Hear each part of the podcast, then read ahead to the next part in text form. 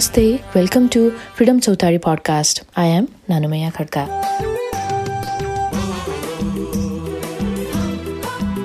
The debate on public media and public service broadcasting is still ongoing after two decades of the formulation of the bill to amend and integrate the laws related to public service broadcasting 2020 in Nepal.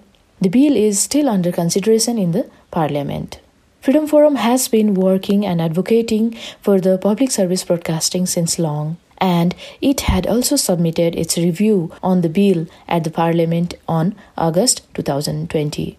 The review stated that universality, diversity, independence in editorial, funding and governance, and distinctiveness and innovative are the four major pillars of PSB. However, the bill is not in line with the nature, standards, and global recognition of a public service broadcaster. Hence, the proposed provisions should be reconsidered to make them globally recognized as per the standards and global experience of a public service broadcaster. Also, recently, Minister for Communication and Information Technology in Nepal, Gyanendra Bahadur Karki, said that the state-owned Radio Nepal and Nepal Television would be merged and transformed into the public service broadcasting as soon as possible during his speech marking the 72nd anniversary of Radio Nepal. This is a relief to years-long advocacy. So, in this context, today we present the 123rd episode of Freedom Chautari podcast featuring Harry Locke, editorial manager at Public Media Alliance on Media Uncovered. This episode will provide the importance of public service broadcast and its experience in the context of strengthening democracy at the country and global level. Let's listen to the Media Uncovered. Independent is public media? Well, a report published last year shows that 80% of state administered media worldwide does not have editorial independence, and it's getting worse. The percentage of um, state controlled media uh, has increased all over the world. In countries where you have independent public media, there was, uh, at least over the past decade or so, a deterioration of editorial independence the study looked at 546 state administered media companies, and they were from over 150 countries. And out of all of those, only 18 were classified as truly independent public media. So, does public media have a future? Well, in New Zealand, it would appear so. Details have just been announced of a new public media entity being set up. The new entity's centre of gravity is going to be around digital engagement, digital distribution, It'll be around all those new ways that people are connecting with media and spending their time. So, does a digital realignment give new hope to independent public media? I'm Harry Locke, and from the Public Media Alliance, this is Media Uncovered.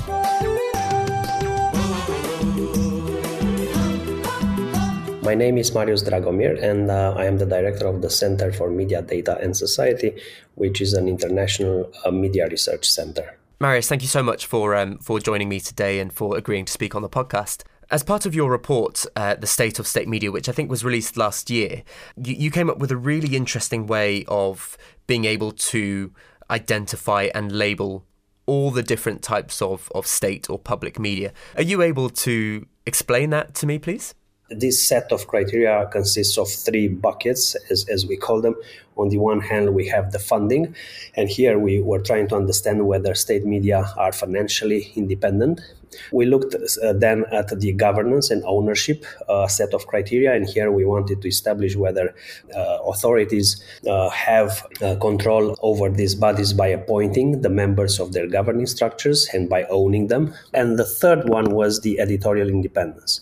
On the one hand, we had we analyzed the, the, the so-called positive factors, whether a media outlet has for example, uh, mechanisms that um, uh, that prevent them from being controlled editorially by the government.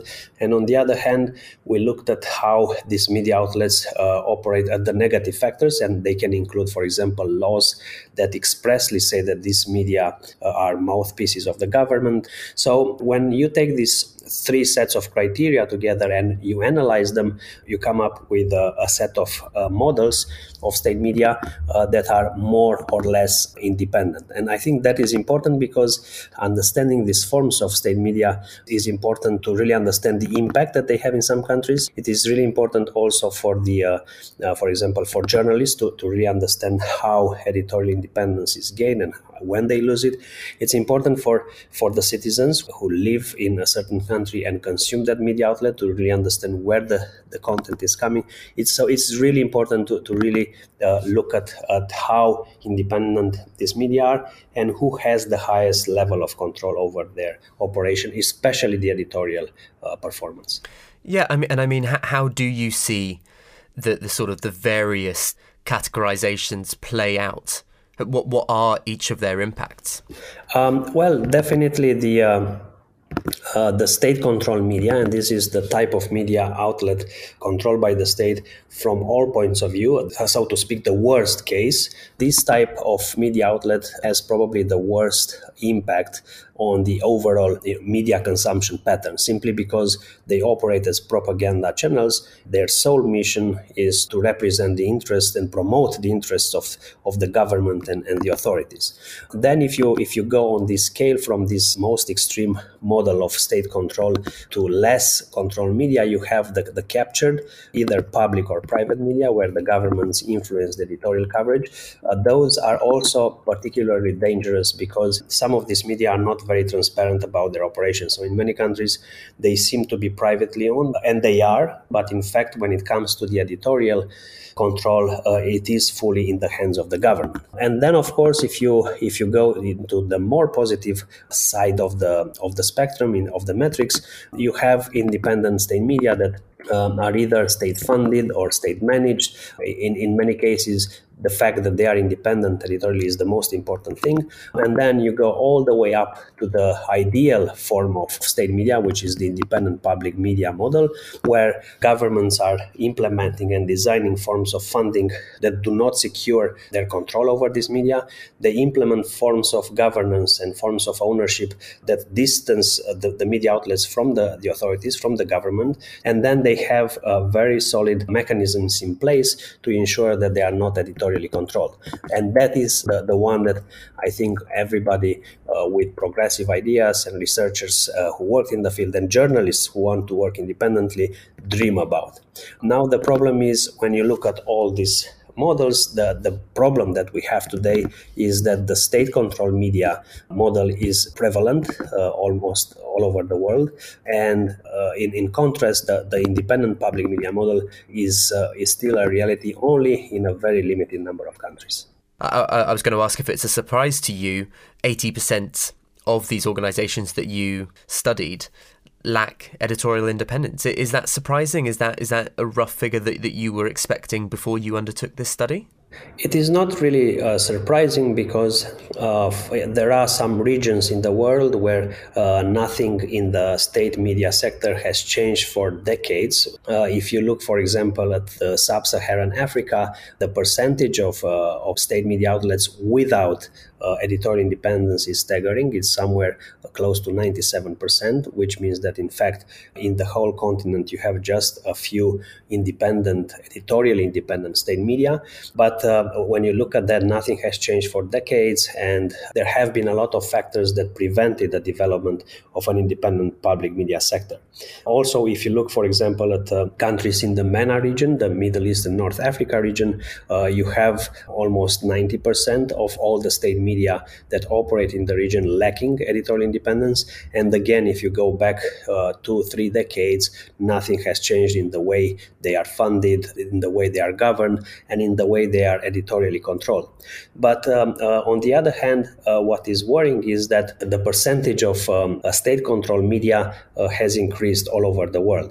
And that, that increase is due to the fact that in countries where you have independent public media, there was, at least over the past decade or so, a deterioration of the um, uh, state of editorial independence in many public media. In other words, in countries where traditionally the independent public media had a central role in the overall media ecosystem, we have seen negative uh, developments in the past few years. And that is worrying because most of the independent public media in the world uh, are located in Europe. In total, in fact, we, we found just a, a limited number of uh, independent public media, 18. That is really worrying. And, and most of these, as I said, most of the outlets are, are based in, in Western Europe. And where are we seeing that deterioration that you mentioned? Where is that happening? Where where the, the independence of, of public media has just fallen away? Yes, I think it's um, uh, there has been a, a, tendency, especially in countries like in uh, in Central and Eastern Europe,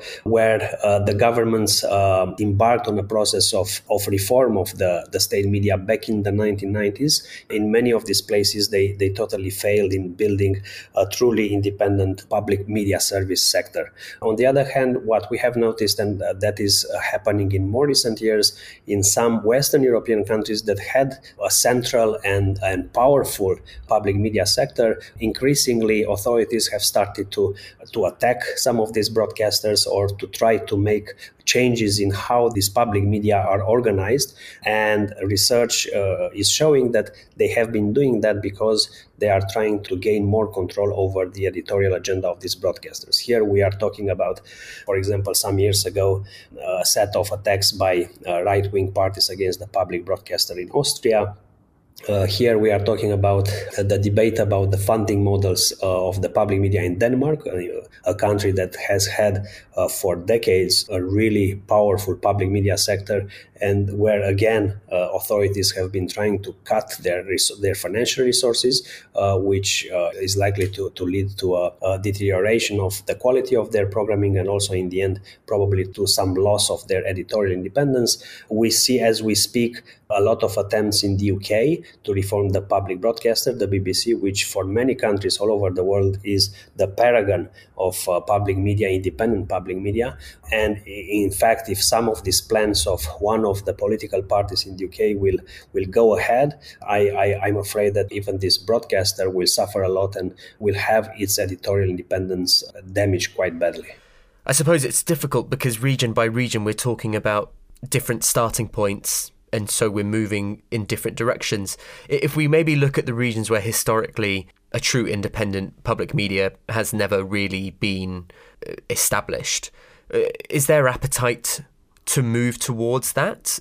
Well, I don't think there is uh, any appetite to develop that. I think if you look at countries that uh, historically have had uh, a model of state media that is designed as a propaganda channel, and here I'm talking about the most extreme cases, such as uh, North Korea, China, Venezuela these days, there is not much there is not much to change in, in, in those societies. If you go to countries like those nations in sub Saharan Africa or some countries in, in the Middle East and North Africa region, where there have been attempts in the past to reform their state media, sometimes you, you find that appetite. And from time to time, you have like more progressive governments interested in redesigning their, uh, their state media system to make it more independent. That appetite is, is, uh, is ebbing away very rapidly.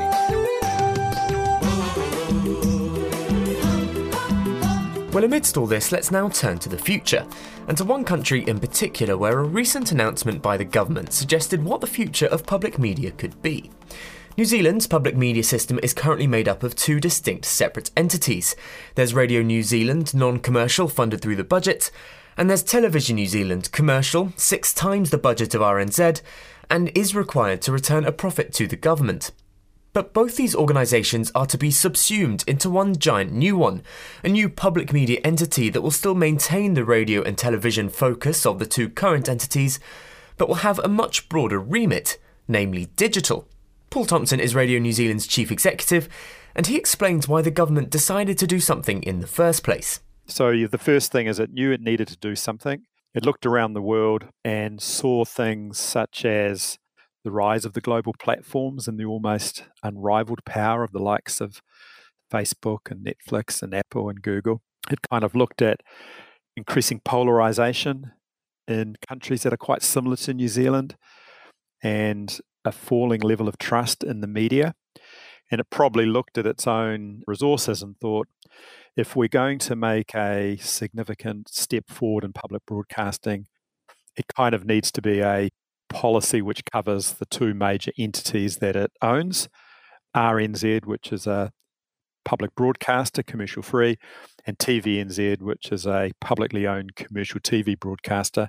It kind of needs to use those as foundation blocks. And the investment it wants to make, it needs to be across both those organizations. And I think that brought them to this idea of creating the new entity, which would be a public media entity and which would combine the the strengths of both RNZ and TVNZ and would then create some new services. So I think the government policy in the end was designed to make sure that New Zealand has at least one well resourced, comprehensive public media entity with a clear charter, that it would be able to be big and strong and resilient and flexible enough to actually be really useful for New Zealanders despite that disruption, despite the power of the platforms, despite weakening commercial models, business models, that you'd at least have one really strong source of trusted news and current affairs, um, national coverage, combining regional coverage, content and programming that celebrates our culture and our languages and actually is big enough to make a difference. So I think that's the kind of journey. But when you look at levels of trust in media on an organisation by organisation basis in New Zealand, we do see RNZ and TVNZ both at the top there. So, so is it a when we think about the output of both at the moment, is that something that perhaps shouldn't change because actually, when you look at that, they're the things where RNZ and TVNZ perhaps perform strongest. Yeah, look, it is. It's. I mean, it's a real. It's going to be a very powerful organisation if you think of bringing in those high level of trust to the new entity. But I think they do need to be very carefully handled because those high levels of trust have been built over decades. And it, it's very difficult to rebuild again if you lose it. One interesting aspect of the policy is the emphasis on new capability and new services for new audiences that aren't particularly well served by public media, balanced by quite a degree of continuity. So the language in the cabinet paper is around trusted and valued services will continue. And anything that's non commercial at the moment remains non commercial. So I think that is an acknowledgement that neither organization is in trouble or not performing well. And you kind of have to nurture and protect the things that audiences trust and value at the moment. But you also can't let the kind of defense of that status quo stop you from over time building something stronger and better. So I think it's a sensible balance between the new and the existing. And it means that, you know, on day one of the new entity, a lot of people will get up and do the job that they did the day earlier, but then eventually new investment will come in and new opportunities will flow from that. And, you know, the thing that the brutal reality of all media at the moment and all public media is that we have this really strong connection with older audiences and we have a less strong connection with younger audiences. And you just need to sort of run that through the next five or 10, 15 years to say that the new entity needs to make great inroads in terms of creating content that is relevant to younger people and communities beyond Pākehā. And it needs to do that not by sort of shoving more stuff down the pipe at them, it needs to do that by actually hiring and developing people from those communities, giving them the opportunity to create stories and programming and perspectives for those communities. So that that is really exciting. I have to say that's the exciting bit. And and you have been we um we saw the detail or some of the detail I should say from the government earlier this month when when it was um the cabinet paper was released and you described it as a, a watershed moment when you looked at the cabinet paper what what was it about that that made you d- describe it as so significant for New Zealand media New Zealand has always lacked in my view that one strong public media entity with a very clear public media charter. What makes this different is the singular strength of that public media entity. The government's basically looked at it and said, we don't need a publicly owned media entity that does some public media work. We need a public media entity that has crown and non crown funding to it. So they've kind of got it the right way around. I like to think of the four building blocks the government's put in place with the policy. First, it's a public media entity, clearly, with all the attributes of the best in class around the world. The second thing, it has a charter that'll be enshrined, and I've seen the draft charter and it's very powerful. The third building block is deepening commitment to Te Reo Māori Te Ao Māori and Te Tiriti, you know, the, uh, the foundational relationship that New Zealand has as a nation between Māori and Pākehā. So that's the third building block. And the fourth building block is, and I was really pleased about this one, is they've said that this new entity has a responsibility to support plurality and diversity across the wider media sector. So it's quite an interesting idea, right? You're building a new entity that'll be able to do a lot more for all audiences with Crown funding and some commercial activity, but it has to deliver a public media mandate above all else. And it actually has to collaborate and partner with other media to kind of support the wider media ecosystem. So I think that's where I look at those four things, Harry, and I think that is that is foundational change, and that's that watershed I referred to. How do you think this will then fit into the commercial landscape as well, or, or, or how do you see the commercial sector viewing this? Is this going to be a are they going to be slightly intimidated and maybe slightly fearful of maybe a, a, a, behemoth organization that could do away with competition? I think they're watchful and kind of reserving judgment at the moment, the, the, the commercial outlets. I've talked to um, several of the CEOs in the last few weeks, and I think what they're saying is, well, we want to see the detail. But I think um, my own personal view is that at RNZ, we've shown the power of collaboration with the sector, that the public actually benefits from publicly funded content partnering with uh, other media outlets. Um, so we have our radical sharing strategy where we license our content very freely and reach a lot of audience through other media outlets. We also have our version of the BBC's local democracy reporting joint venture, which we did as a joint venture with the publishers in New Zealand.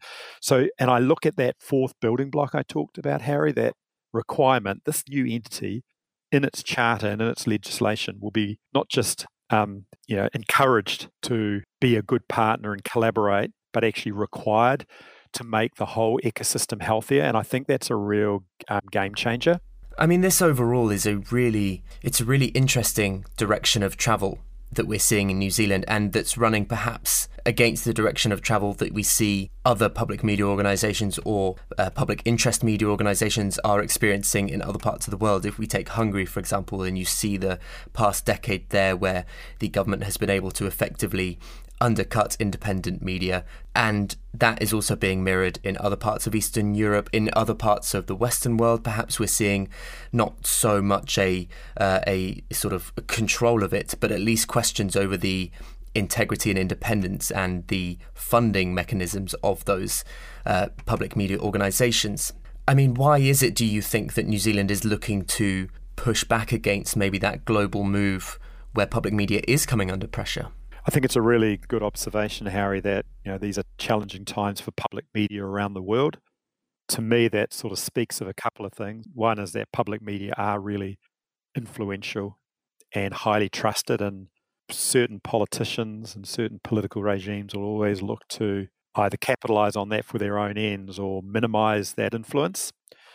And we're kind of in that political cycle at the moment. Um, the other thing is that uh, you know there was a time when public broadcasters were kings and queens of the castle, and you know really strong and and very powerful. That's the edges come off that because of the rise of those global platforms who can out engineer and outspend even the biggest public broadcasters. So you know there, there's some really big trends there which are creating some heavy seas for public broadcasting. I think from New Zealand's point of view, we're in a different political cycle. We have a Labour government in power at the moment, and they are pro public broadcasting, which is no surprise. So some of it is just the timing of the political cycle. I think the other aspect is New Zealand's never really had that comprehensive public media entity which is proposed.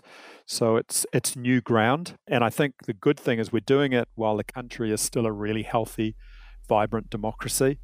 I think um, th- this is a really great example of of where public media and not just public broadcasting, but where public media is moving to. The fact that we have two organizations, one with radio in the title and one with television in the title, are actually now having to shift away, and how, as as we mentioned earlier, to to face up to the challenges being posed by the uh, the the tech giants, that that does need to happen, and that we need these all-round comprehensive organizations to be able to provide their own material and their own platforms that, that people can go to.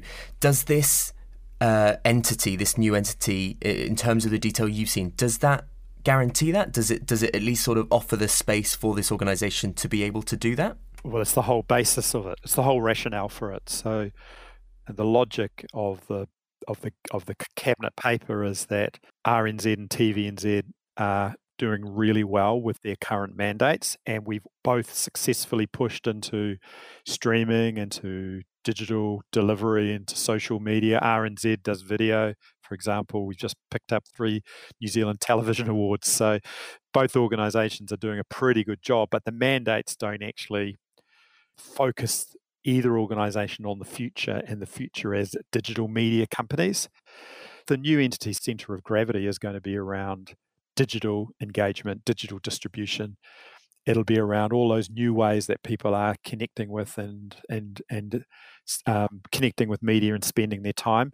So I think it is absolutely the core of of the plan, and that's where the significant investment will need to be made to kind of create this organisation that can be as relevant in ten or twenty years' time as RNZ and TVNZ are at the moment. That's a given, I think, and the balance will be between maintaining those trusted existing services and over time moving more into those new services for new audiences. So, does a digital transition contain the secrets for public media's survival and ongoing relevance? Let's return to Marius. You cannot rebuild a state media system in, in the countries that had for most of their history just state controlled media. But I think we, we can think, especially with the advantages that were brought about by, by the new technologies, we can think about way to promote, to spread, and to implement uh, forms of public media in areas and spaces other than those controlled by the government. This can be uh, projects developing public service media content designed with less money in fact, in various online or digital platforms. They can be uh, developed through um, uh, through organizations that that are looking and researching these uh, these models, such as universities or academic think tanks, where you work with younger people interested in these ideas. So there are ways to really try to promote the idea of independent public media, but they have to be adjusted to the current context. I was going to say, and and you, you know it, the remit of which those organisations might be able to operate within might be fairly limited in its scope because of, I guess, the sort of the the work they were doing would have to be in some ways approved by the government in itself as well? All all public media in the world are undergoing major changes these days. Even in countries in western europe uh, where they had for decades almost since their establishment the trust of the people and they operated based on funding models that are ensuring editorial editorial independence and all the conditions for journalists to do their job independently and properly. Even in, in those places, uh, we see these days that the whole public service media model is, is, is will, will have to change because the realities are different. People pay for content in a different ways than they did 10 years ago. People consume media content in, in totally different ways they did it 10 or 15 years ago. So I think uh, in general, every single public media outlet will have to change in, in the next decade. and in practice, how does it embrace the the digitalization of, of the past 10, 15, 20 years? How does it make the most of the current way people digest news and, and want to consume news? D- does it look to the social media platforms? How do we make sure that, that that information remains relevant and remains so accessible to the people who, who need to use it? Well, first of all, yes, if you look at the overall media ecosystem, you have the news production entities, either commercial companies or, or public service media or state media. Uh, and on the other hand, you have the, the distribution platforms that play a very important role because they simply act as a distributor for this content. Now, the two are separate. So the, the answer to your question is yes, at the moment, the only, the only way for this content to reach audiences is by using the popular platforms that we have.